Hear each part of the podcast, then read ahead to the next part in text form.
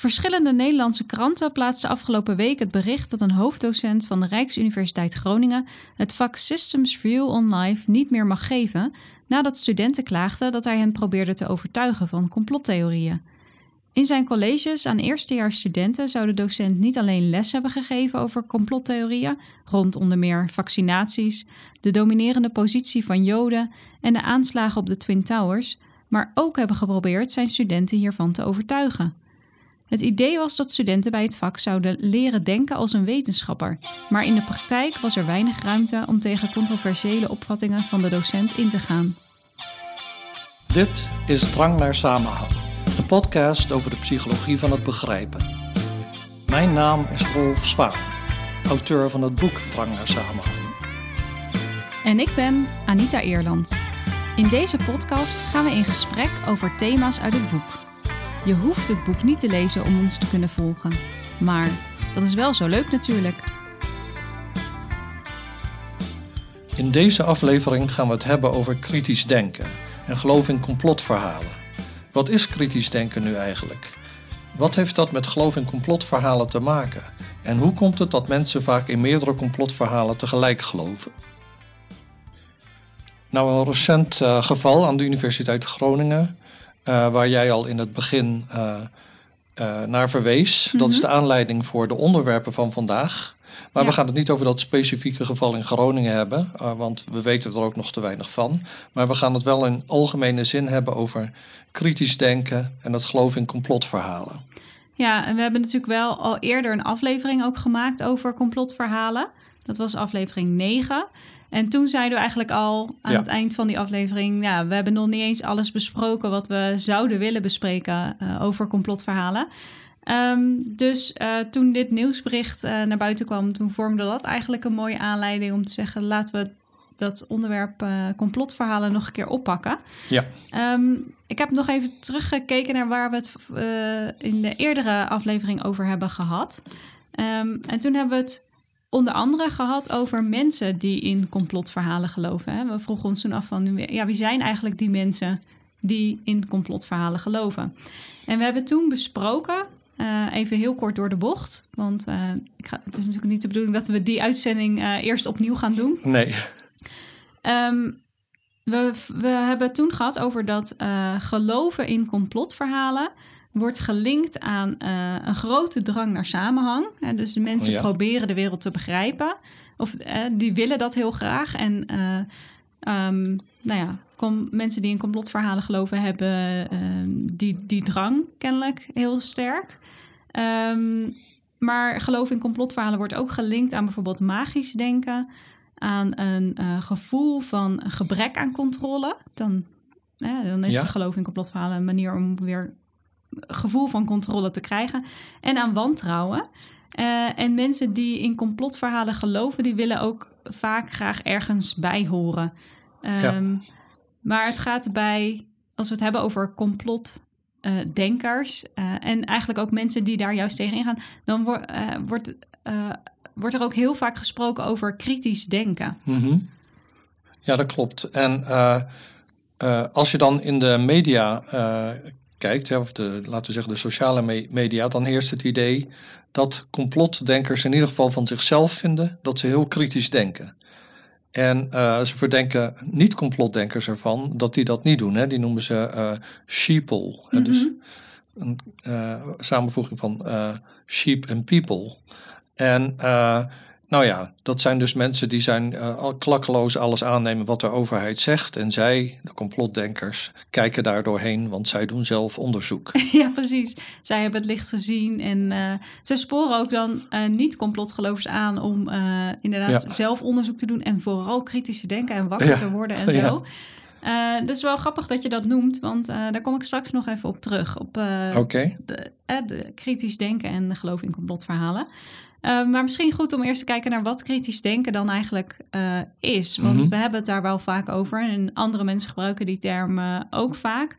Eh, maar als je gaat zoeken naar een definitie, dan krijg je toch heel verschillende ehm, definities te zien. Ehm, maar waar het eh, in de kern om gaat, is dat we in ons dagelijks leven eh, heel veel informatie tegenkomen. Nou, daar hebben we het eh, ook al vaker over gehad. En we moeten een manier vinden om daarmee om te gaan. Mhm. Ehm, en kritisch denken gaat dan om het aanleren van, van vaardigheden. eh, om al die informatie die op je wordt afgevuurd, om die te kunnen beoordelen. om zo een goed onderbouwde mening over een bepaald onderwerp te kunnen vormen. Ehm, en ja, het gaat dus eigenlijk om eh, te leren om meer actief dan passief met eh, informatie om te gaan. En als je, nou ja, hoe kan je nou eh, meer actief met informatie omgaan? Dan gaat het erom dat je ehm, jezelf vragen stelt over de informatie die je leest. En dat kunnen vragen zijn zoals, ja, wat is eigenlijk de belangrijkste boodschap? Ja. In dit, eh, ja, ik ga maar even uit van eh, gelezen informatie, dus uit, uit deze tekst bijvoorbeeld, of uit dit artikel. Eh, wie heeft dit dan geschreven? En waarom is dit geschreven? Soms Ja. kun je erachter komen dat iemand een andere motivatie heeft om een bepaalde mening te verkondigen. Ehm, en ook wel belangrijk, wanneer is iets geschreven bijvoorbeeld? En is, is er sinds het verschijnen van dit artikel iets veranderd in de context? Dus ehm, eh, bijvoorbeeld eh, vo- voortschrijdend inzicht. Het kan best zijn dat een Mhm. artikel van langer geleden... dat dat nu als totale onzin wordt gezien... maar gegeven de context van Ja. de tijd waarin het is geschreven... Ja, misschien niet eens als totale onzin, maar meer al- als achterhaald door de feiten. Mhm. Ja, ja, dat is ook eigenlijk inderdaad Ja. wat voortschrijdend inzicht is. Ehm, en is het bewijs dat gepresenteerd wordt, is dat bijvoorbeeld robuust? Nou ja, dat zijn een aantal voorbeelden van vragen die je jezelf zou kunnen stellen om dus meer ehm, actief met het tot je nemen van informatie om te gaan. En het idee is dat je, ja, dat je op die manier beter leert om kritisch te denken over de informatie die je, die je leest. Ja, En nu zijn er. Eh, dus dat, dat kritisch denken is belangrijk. En kritisch denken wordt ook soms gezien als manier om eh, de verspreiding van complottheorieën eh, tegen te gaan. Mhm. Als mensen maar voldoende kritisch kunnen denken, dan zullen ze minder vatbaar zijn voor eh, ehm, complotverhalen, daar minder in geloven, ze minder gaan delen. Nou, dus dat, dat klinkt allemaal heel goed. Ehm, maar kennelijk is er nog niet heel veel onderzoek naar gedaan, naar die link tussen ehm, het vermogen tot kritisch denken en geloof in complotverhalen. Althans, Mhm. dat is wat eh, vier Franse onderzoekers beweren. En zij hebben Mhm. dus zelf onderzoek daarnaar gedaan. Ehm, zij hebben ehm, in twee experimenten dus onderzocht of er een link is tussen hoe goed mensen kritisch kunnen denken en eh, het geloof in eh, complotverhalen. Dus ze hebben mensen, ehm, even denken hoor, voor het eh, geloof in complotverhalen hebben ze een, een vragenlijst aan mensen gegeven Mhm. met 15 vragen om hun geloof in complotverhalen te onderzoeken. Mhm. En ze hebben ze ook een test gegeven om kritisch denken te kunnen ehm, vaststellen. En dat was een test waarbij ze moesten reageren op een, eh, ja, een zogenaamd ingezonden brief in een, eh, een krant die niet bestond. ja. Ehm, waarin in verschillende eh, alinea's eh, argumenten worden gepresenteerd en daar moesten ze dan op reageren. En dan werd daar uiteindelijk gekeken naar de kwaliteit van, eh, van hun reacties. Mhm. Ehm, nou ja, zo heb je dus eh, voor elke proefpersoon informatie over in hoeverre ze in complotverhalen geloven en in hoeverre ze kritisch kunnen denken. En daar hebben de onderzoekers gekeken of er een relatie is tussen die twee variabelen. En dat vonden ze inderdaad. Dus zij vonden dat ehm, mensen die, eh, of zij vonden een, ehm, een negatief verband tussen die twee variabelen. Dus eigenlijk precies wat je zou verwachten. Ja. Hoe beter mensen waren in kritisch denken, hoe minder goed of hoe minder ze in eh, complotverhalen geloofden. Mhm. Trouwens, eh, luisteraars die onze aflevering 9 niet hebben gehoord, die denken waarschijnlijk waarom hebben ze het over complotverhalen en niet complottheorieën. Mhm. Maar dat leggen we dus uit in aflevering 9. Ja, ik ben heel blij dat ik, het, dat ik me tot nu toe nog niet vergiste. Bij Inderdaad. aflevering 9 Ik hou je nog steeds in even- de gaten. Ja, bij aflevering 9 was het wel even wennen. En dan hoor je inderdaad... Voor mij ook keer- wel hoor. Eh, theorie wil zeggen, maar verhalen Hmm. zitten er nu goed in. Goed zo. Ehm, Oké, even terug naar dat onderzoek. Dus die Franse onderzoekers hadden een, een negatief verband gevonden tussen eh, kritisch denken en eh geloof Mhm. in complotverhalen. Maar ze zeggen zelf, en, en dat noemen ze ook een, een ehm, tekortkoming eigenlijk van hun eigen studie. Die is zo opgezet dat ze niks kunnen zeggen over een kausaal verband. Dus ze Mhm. kunnen niet zeggen dat omdat je minder kritisch denkt, je meer in complotverhalen gaat geloven. Nee. Er, er is samenhang, maar eh, nou ja, of er een kausaal verband is, kunnen zij dus eigenlijk niet zeggen. Nee. Wat wel interessant vond, wa- eh, was, wat ik Ja. interessant vond. Ja. Ehm, en eh, daarmee kom ik even terug op wat jij eerder zei. Ze hebben namelijk in dat tweede experiment ook aan mensen gevraagd om eh, zelf te beoordelen hoe goed zij dachten dat ze kritisch konden denken. Dus een Mhm. beetje een subjectieve maat voor kritisch denken. Eh, omdat inderdaad het beeld he- heerst dat eh, mensen die in complotverhalen geloven zichzelf heel, een heel kritische denker vinden. Ten onrechte, ja. Dat is het beeld. Ja. Ja, precies. En dat vonden zij dus niet. Dus zij vonden geen samenhang of geen verband tussen die subjectieve maat voor ehm, eh, kritisch denken en het geloof in eh, complotverhalen. Maar, maar wacht even, oké, du- dus dat was dan gelijk. Maar die complotdenkers, die scoorden lager op kritisch denken. Dus met andere woorden, als je meet hoe kritisch ze denken, dan scoren ze daar minder goed op. Maar ze denken dat ze even goed scoren als andere mensen.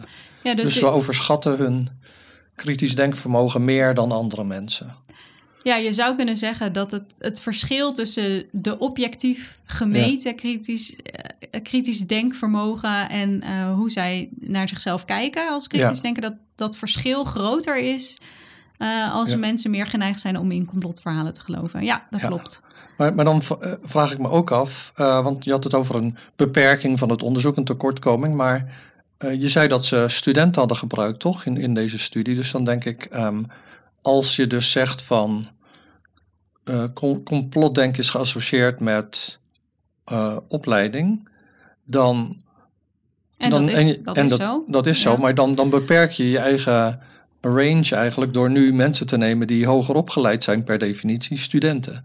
Dus hadden ze een eh, meer representatieve steekproef van de bevolking gehad, dan waren die verschillen waarschijnlijk groter geweest. Dan had je waarschijnlijk eh, nog meer gevonden dat eh, ehm, eh, mensen die in complotverhalen geloven zichzelf overschatten voor wat betreft kritisch denken. Ja. Maar goed, dat is mijn speculatie. Ja, daar zeggen ze zelf in eh, de discussie van hun, hun artikel ook wel wat over. Dat, dat het inderdaad de vraag is in hoeverre eh, deze resultaten generaliseerbaar zijn Ja. naar een, Ja. een meer ja, diverse populatie. Mhm. Eh, maar ja, de steekproef is dus niet representatief. Maar ik denk wel dat als ze een grotere, een, een meer diverse steekproef hebben, dat, dat de resultaten dan alleen maar eh, sterker zullen zijn. Dat, dat denk ik ook. Maar Ja, dat, dus ze eh, hebben het dus zichzelf eigenlijk eh, moeilijk gemaakt. En eh, Nou ja, ja. ze hebben zi- zich, het zichzelf makkelijk gemaakt door studenten te, ja, te nemen, want die hoeven ze niet te betalen. ja, dat is waar. Ehm, even kijken.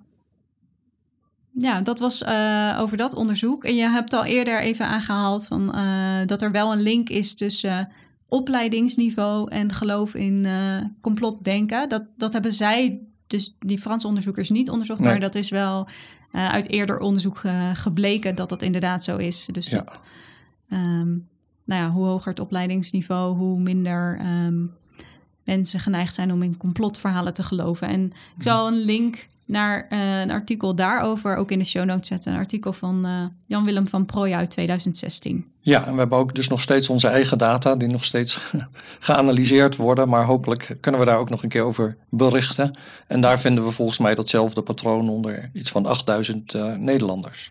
Ja, dus dan kunnen we nog een aflevering maken over Ja, ja, zeker, zeker. complotdenken. Zeker. Daar zijn we nog niet over uitgepraat. Maar goed, als dus complotdenken niet kritisch denken is, wat is het dan wel? Ja. Is het een bepaalde manier van denken? Zo. Nou, dat is wel een interessante vraag. En een Amerikaanse psycholoog, Ter- Ted Goertzel, heeft daar eh, zo zijn ideeën over. En bijvoorbeeld in een artikel in The Skeptical Inquirer uit 2011 heeft hij het over de conspiracy meme. En een conspiracy is dus een complot. Mhm. En een meme is uh, een, een idee dat uh, op de een of andere manier, een of andere manier postvat in de geesten van mensen en dan van de ene persoon op de andere overgaat. Zoals dat ook bijvoorbeeld met een virus is. Ja, daar moest ik ook meteen aan denken. Het gaat viraal. Hè? Dus je hebt allemaal van die memes op Twitter en, en, en uh, Facebook.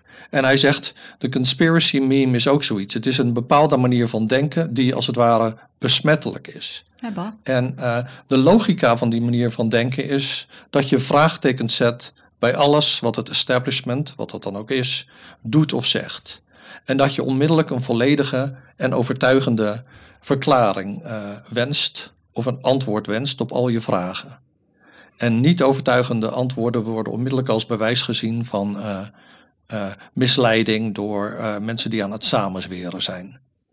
En als voorbeeld komt hij dan met de film Loose Change 9-11, An American Coup uit 2009. Die is dan op, ik op YouTube te zien en is door meer dan 10 miljoen mensen bekeken. En daarin worden heel veel vragen gesteld over 9-11. Maar dat gebeurt op basis van hele tendentieuze informatie. Dus er wordt dan bijvoorbeeld gezegd: um, de branden in het World Trade Center, Center waren niet heet genoeg om uh, metaal te doen smelten of staal te doen smelten. Dus hoe kan het dat die torens zijn ingestort? Maar in de officiële lezing staat helemaal niet dat het staal gesmolten was, alleen dat het verzwakt was, hmm. waardoor de torens waren ingestort. En in die video wordt ook gezegd dat het verdacht is dat de Amerikaanse Belastingdienst de belastingopgave van bepaalde mensen geheim houdt. Die mensen zouden dan betrokken zijn bij het complot. Maar dat is uh, ook onzin, want voor, van iedereen worden de belastingopgaven geheim gehouden. Ah, ik ja, heb dus... daar ook gewoond en ik had ook mijn belastingopgaven, maar die waren gewoon geheim. Dat was helemaal niet zo dat anderen die konden zien. Um, maar wat dus in het conspiracy meme gebeurt, zegt Kurtzel, is dat als een complotdenker dus een vraag stelt en uh, daar is een overtuigend antwoord op, of er wordt gezegd dat is onzin, mm -hmm. dan, dan denken ze niet van, oh, dan zat ik fout, maar dan komen ze onmiddellijk met een andere vraag. Ja, dus dat is dat steeds uh, eigenlijk alleen maar vragen vuren. Ja, ja precies. Vragen. En eigenlijk niet goed luisteren naar het antwoord, want of het nou een goed antwoord is of niet. Je gelooft het toch niet. Nee, precies. Nee. Nee, en dus complotdenkers zien dan wel fouten in de logica en de bewijsvoering over het hoofd bij hun uh, aanhangers, hè, of de medestanders. Mm -hmm. Maar als een opponent een fout maakt, zitten ze daar bovenop. Hè, dan is het meteen verdacht en, uh, en dat soort dingen. Nou moet ik zeggen, dat heb je natuurlijk wel uh, ook gewoon uh, tussen politieke partijen enzovoort. Hè. Er worden, als je in de VS kijkt, uh, de Democraten bedekken alles wat fout is in een partij met de mantel der liefde en richten zich op de Republikeinen. En omgekeerd is natuurlijk ook het geval. Ja, en dat met twee maten meten, toen je dat zei van ja. uh, hey, ja. fouten ontdekken bij jezelf en, ja. en bij de ander, dat we dat op een andere manier doen, moest ik ook meteen denken aan een eerdere aflevering die we hebben gemaakt over andere begrijpen. Want mm -hmm. daar zitten ook een aantal voorbeelden in van hoe we ja. anders naar onszelf kijken dan naar anderen. Hè? Of, ja. of andere, dat we anderen langs een uh, andere maatstaf uh, houden. Of... Ah, onbegrip van de week. Ja, ben benieuwd. Ja. ja, nou, ik heb deze keer eigenlijk geen onbegrip, maar een begripje. um, en dat heeft te maken met een eerder onbegrip, uh, namelijk over iets wat jij zei. Volgens mij was het in aflevering 8. En dat gaat over ehm, dat je het woord boomwortel moest uh, typen. En terwijl je dat aan het typen was, dacht je van, um, wat een raar woord eigenlijk. En ik vertelde dat ik dat op de lagere school had met het woord terug. Mm -hmm. um, en ja. we zeiden, we hebben daar geen verklaring voor. Maar nu kwam ik toevallig uh, uh, deze week nog een artikel tegen uit 2021. En dat gaat over dit verschijnsel. Oh. Het werd vroeger woordvervreemding genoemd, word alienation. En er is weinig, heel weinig onderzoek naar. Uh, en, en deze paper uit dus 2021 noemt het verschijnsel jamais vu.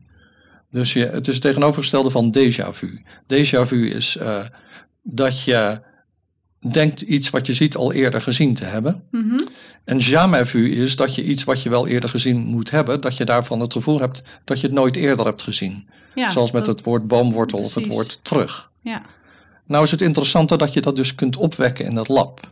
En dat kun je doen door mensen herhaaldelijk een woord te laten schrijven. Dus bijvoorbeeld het woord terug. Terug, ja. En dan gewoon uh, heel lang. En dan zie je in, laten we zeggen, ik geloof ongeveer een derde van de gevallen, dat mensen na 30 herhalingen of ongeveer één minuut uh, uh, het woord vreemd beginnen te vinden. Hè. Dat moeten ze dan aangeven als er iets gebeurt. En dan vinden ze dat vreemd. Dat is wel leuk als Ja. mensen dat eh, zelf eens gaan Ja. proberen. Ik ga dat ook eens proberen. Ja, ja. en, en eh, wat is de verklaring daarvoor? Daar zijn ze eh, nog niet uit. Maar ze hebben dus wel gevonden dat bijvoorbeeld jamais en déjà vu met elkaar samenhangen. Mensen zeggen dat ze wel eens déjà vu hebben, die hebben ook wel jamais.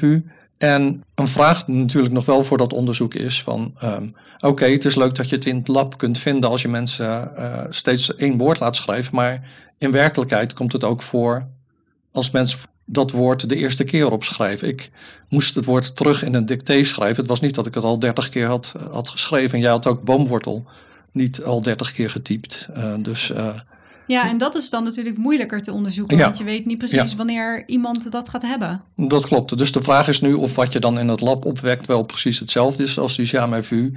En of het wel dezelfde oorzaak heeft. Maar goed, in ieder geval, de onderzoekers zijn er nog niet uit. Maar wij hebben wel een label voor dit fenomeen. Jamais vu. Ja, ik ben toch blij dat mijn onbegrip van de week nu eh, niet meer een eh, onbegrip is. Of Een semi-onbegrip. Ja, van, van dus een aantal weken geleden. Want deze week heb ik wel weer een onbegrip. Ah, Eh, al is dat ook niet iets wat afgelopen week gebeurd is, maar wel iets waar ik afgelopen week weer aan moest denken. Toen we aan het wandelen waren hier Ja. in, de, in de buurt. mhm. Want een aantal jaar geleden hebben wij nou ja, diezelfde wandeling gemaakt. samen met Isabel, je dochter. Ja, En ehm, toen waren we bijna klaar. En dan loop je op het laatste eh, stuk langs een paar huisjes. En toen ging ineens de deur open. En toen kwam er een man naar buiten met eh, krukken. En Mhm. ik, ik weet eigenlijk niet eens meer of die nou zijn been in het gips had of zo. Maar het was duidelijk dat Z- hij... zoiets, ja. Je had zijn onderbeen, eh, enkel of zo in het, in het gips. En is gek dat ik dat dus Ja. eigenlijk niet meer weet, hè? Ja. Ik weet nog wel dat hij er buiten kwam met die krukken, maar verder heb ik daar geen herinnering aan. Ehm, Oh. Maar wel dat hij jou eh, vroeg of je hem even kon helpen met het ophangen van een douchegordijn. ja, dat heb ik eigenlijk altijd als ik rondloop. Dan, eh, mensen denken meteen van, deze vent kan wat. Die is Dus, handig, die moeten we hebben. dus eh, dat was nu ook het geval inderdaad. Dus ja, ik... eh, Ja, Nou, ik, ik was een beetje verbaasd Ja. over die vraag. Maar goed, het Ja. was heel duidelijk dat hij zelf dus niet zo goed uit de voeten kon. nee, letterlijk. Dus als hij dan hulp nodig heeft, ja, nou, dan ga je helpen. Dus jij bent toen eh, naar binnen gegaan.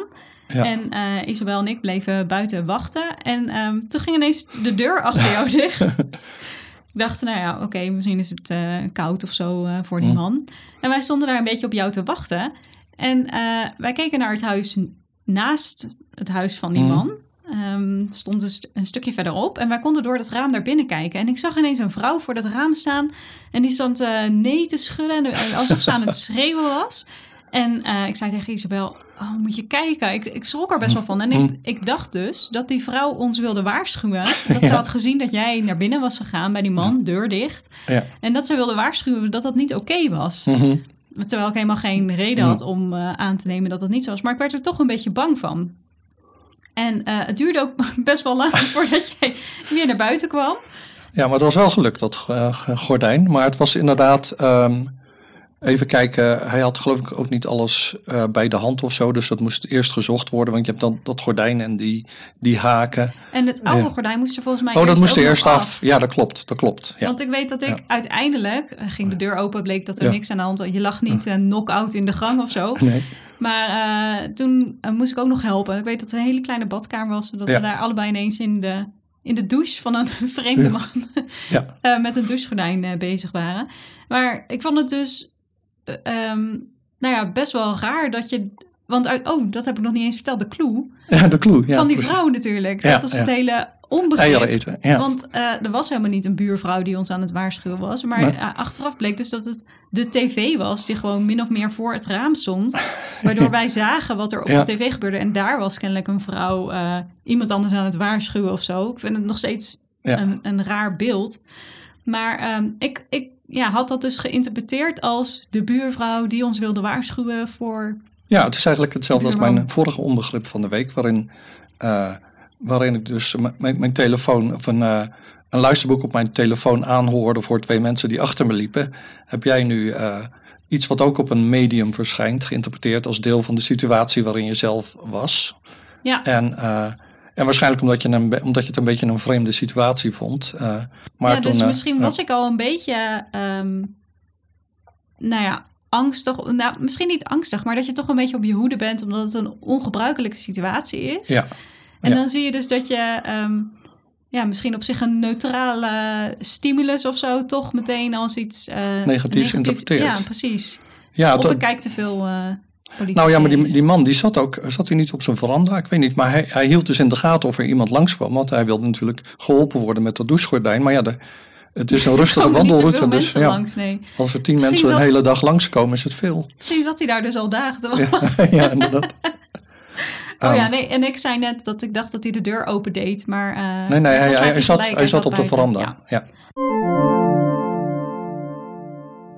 Oké, we hadden het dus over het conspiracy meme. En uh, volgens Gertzel wordt dat meme versterkt door een regelmatig dieet van alternatieve video's en eenzijdige literatuur. Hè, dus uh, bijvoorbeeld op YouTube, dat je steeds dezelfde soort video's uh, aanbevolen krijgt. Ja, als je in zo'n informatiefuik zit, bedoel ja. je? En dan kan die manier van denken, zegt hij, een gewoonte worden. Dus dan, dan is dat jouw manier van denken. En, en, dat heeft dan tot gevolg dat mensen die in één samenzwering geloven, ook in andere gaan geloven, want die passen bij hun manier van denken. Mm. Dan zie je dus ook dat die complotdenkers um, een bepaalde logica gaan gebruiken om, om dus uh, hun complotverhalen in stand te houden. En uh, Eén voorbeeld wat hij dan geeft, dat noemt hij cascade logic. Dat is, uh, laten we zeggen, watervallogica. En uh, daar heb ik het al eerder over gehad, uh, toen ik het had over de, het verhaal van dat de maanlanding fake zou zijn. Mm -hmm. En dat dan, nou ja, dan moest je eerst veronderstellen dat NASA erbij betrokken was, maar later ook de Sovjet-Unie en de Chinezen en de Europeanen enzovoort. Dus de groep samenzweerders werd steeds groter. Mm -hmm. Dat is ook een kenmerk van dat conspiracy meme.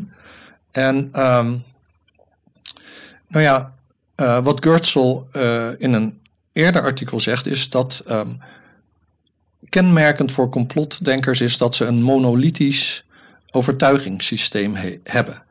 Elke overtuiging die ze hebben, hè, dus 9-11 uh, was een actie van de overheid of zo, um, dient als ondersteuning voor andere overtuigingen. En zo bouw je dus eigenlijk wat ik zou uh, zo zou noemen, een intellectueel kaartenhuis op. Dus je hebt allemaal van die waandenkbeelden die elkaar ondersteunen. En zo, uh, in jouw drang naar samenhang, probeer je uh, al die uh, verhalen kloppend te maken. Dus het komt erop neer dat in hoe meer complotverhalen iemand gelooft, hoe gemakkelijker die persoon in een nieuw complotverhaal gaat geloven. Ja, dat lijkt een beetje een soort zelfversterkend effect. Ja. En um, we hebben het in die eerdere aflevering over uh, complotverhalen ook gehad over um, verschillende complotverhalen over eenzelfde gebeurtenis. Ja. En, en gewoon over verschillende gebeurtenissen. Maakt dat dan nog uit voor uh, in welke verhalen je gaat geloven? Mm -hmm. Dus ja.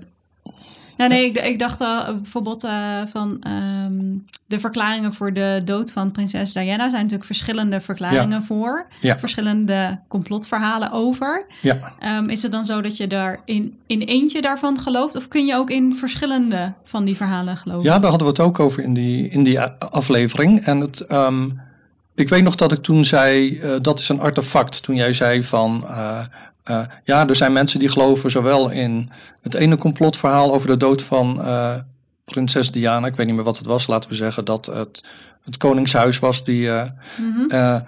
of een andere dat het, laten we zeggen, weet ik veel. journalisten waren. Ik weet niet wat. Hoe kan het nu dat mensen in twee tegenstrijdige verhalen geloven? Nou ja, de verklaring daarvoor zou kunnen zijn dat.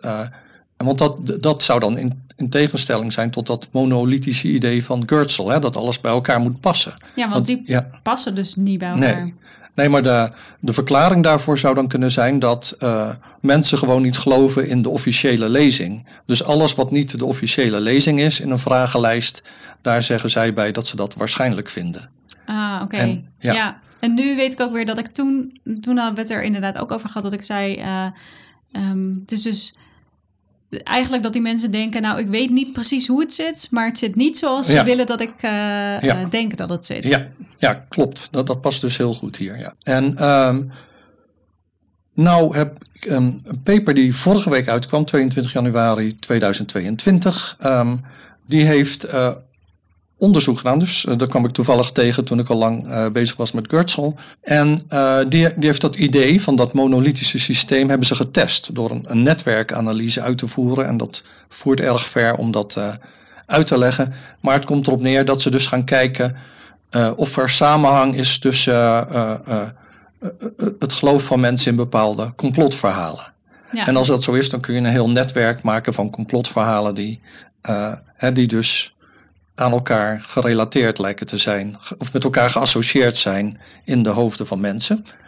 Ja, dus als we die paper in de show notes zetten, kunnen mensen zelf dat plaatje ook van dat netwerk uh, ja, zien. Ja, dat, is wel mooi. Ja, staat in de show notes. En um, nou ja, kun je je afvragen van hoe moet je zo'n uh, denksysteem, hoe moet je je dat nu voorstellen? En daar heb ik toevallig ook wat leuks over gelezen in Scientific American. En dit was een, een gesprek. Eigenlijk is het een, volgens mij een transcriptie van een uh, podcast. Een gesprek met een Engelse. Uh, een Engels lid van de Good Thinking Society.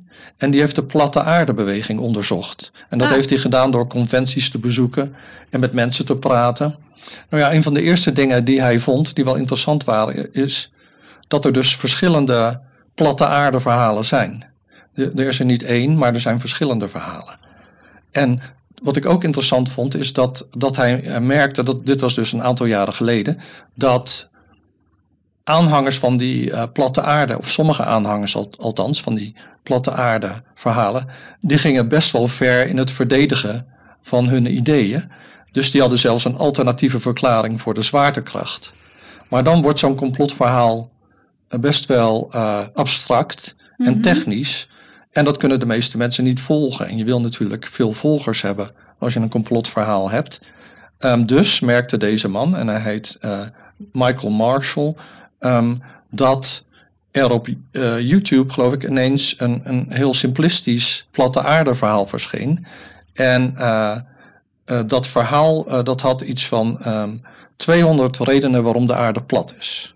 Maar die redenen waren heel simpel, niet zo sophisticated als die theorie die ik eerder noemde, of dat idee dat ik eerder noemde.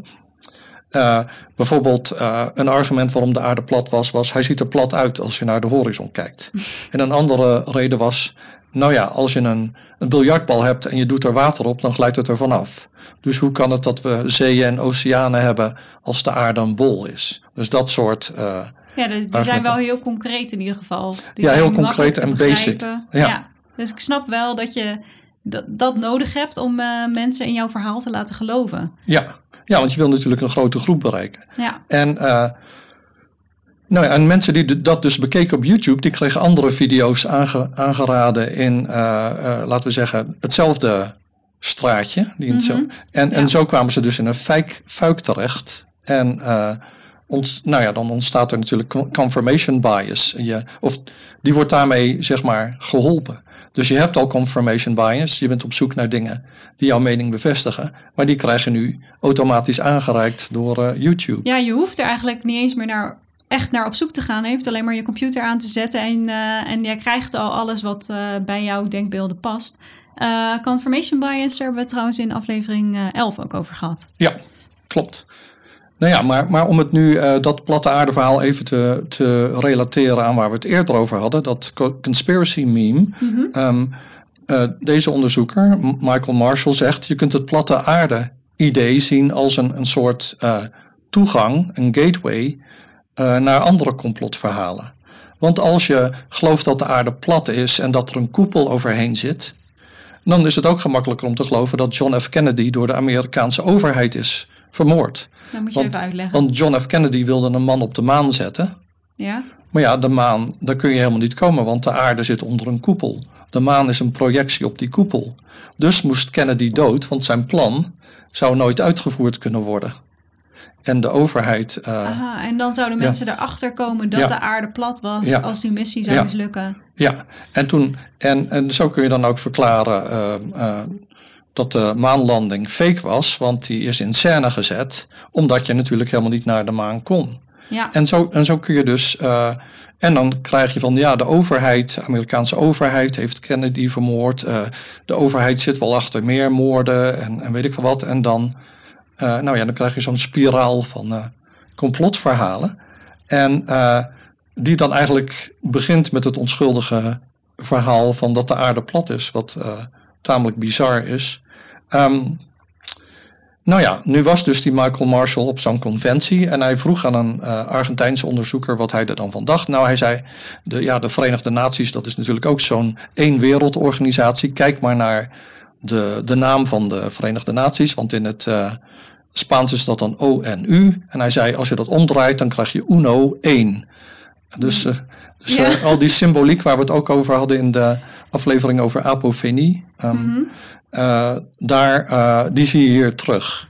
En toen zei een Fransman, ja, maar uh, in het Frans is het gewoon UN en dat is un en dat is une. dat is één bedoel ik. Dus waarom zo ingewikkeld? maar goed. Maar wat ik wel interessant vond was, die Michael Marshall, die had aan een van die bezoekers op die conventie gevraagd, is er nu een complotverhaal waar jij niet meer in gelooft? Ah ja, dat is wel interessant. Ja, ja zei die man. Um, hij gelooft niet meer in het verhaal dat er een beschaving op Mars heeft bestaan die een gezicht in een rots heeft gebeiteld. Want dat was ook een complotverhaal. En uh, daar gelooft hij nu niet meer in natuurlijk, want Mars bestaat niet. Mars is voor hem nu, hè, van, vanwege de platte aarde en de koepel, een projectie op de koepel. Dus er kan helemaal geen beschaving op Mars hebben, of geweest zijn. En dus past hij dan zijn, uh, zijn geloofssysteem of zijn overtuigingssysteem aan, zodat het uh, monolithisch blijft, hè, dat het allemaal bij elkaar past. Mm -hmm. Ja. En uh, dat is dus een mooi staaltje van drang naar samenhang. Um, nou, zie je al dat, dat dus die verhalen steeds uh, grotere vorm aannemen en dus ook steeds meer gericht zijn op een bepaalde groepering die dan achter allerlei dingen zou zitten. En dan kom je natuurlijk terecht bij verhalen over de Illuminati, de Elders of Zion, wat een antisemitische uh, antisemitisch verhaal is. En, en de deep state natuurlijk, waar QAnon-aanhangers het ja. over hebben. Dus zo ontstaat dan een netwerk van complotverhalen in het denken van een persoon. En een netwerk dat zichzelf in stand houdt en zich steeds verder uitbreidt vanwege die manier van denken waar we het over gehad hebben. En uh, dus vanwege de drang naar samenhang die we allemaal hebben. Ja, dus het verhaal dat de aarde plat is, is lang niet zo onschuldig als ik aanvankelijk dacht.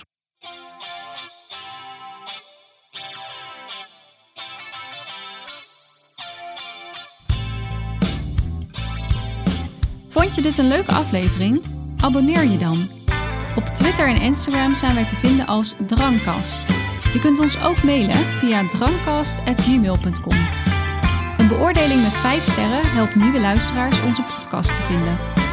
Behoefte aan meer drang naar samenhang? Ga dan naar de boekwinkel of bestel het boek online via www.boompsychologie.nl slash drang naar samenhang. De hoofdstukken die aansluiten bij deze aflevering vind je in de show notes. Tot de volgende drang. Drang naar Samenhang is een podcast van Rolf Zwaan en Anita Eerland. Montage door Rolf Zwaan. Muziek geschreven en gespeeld door Rolf Zwaan.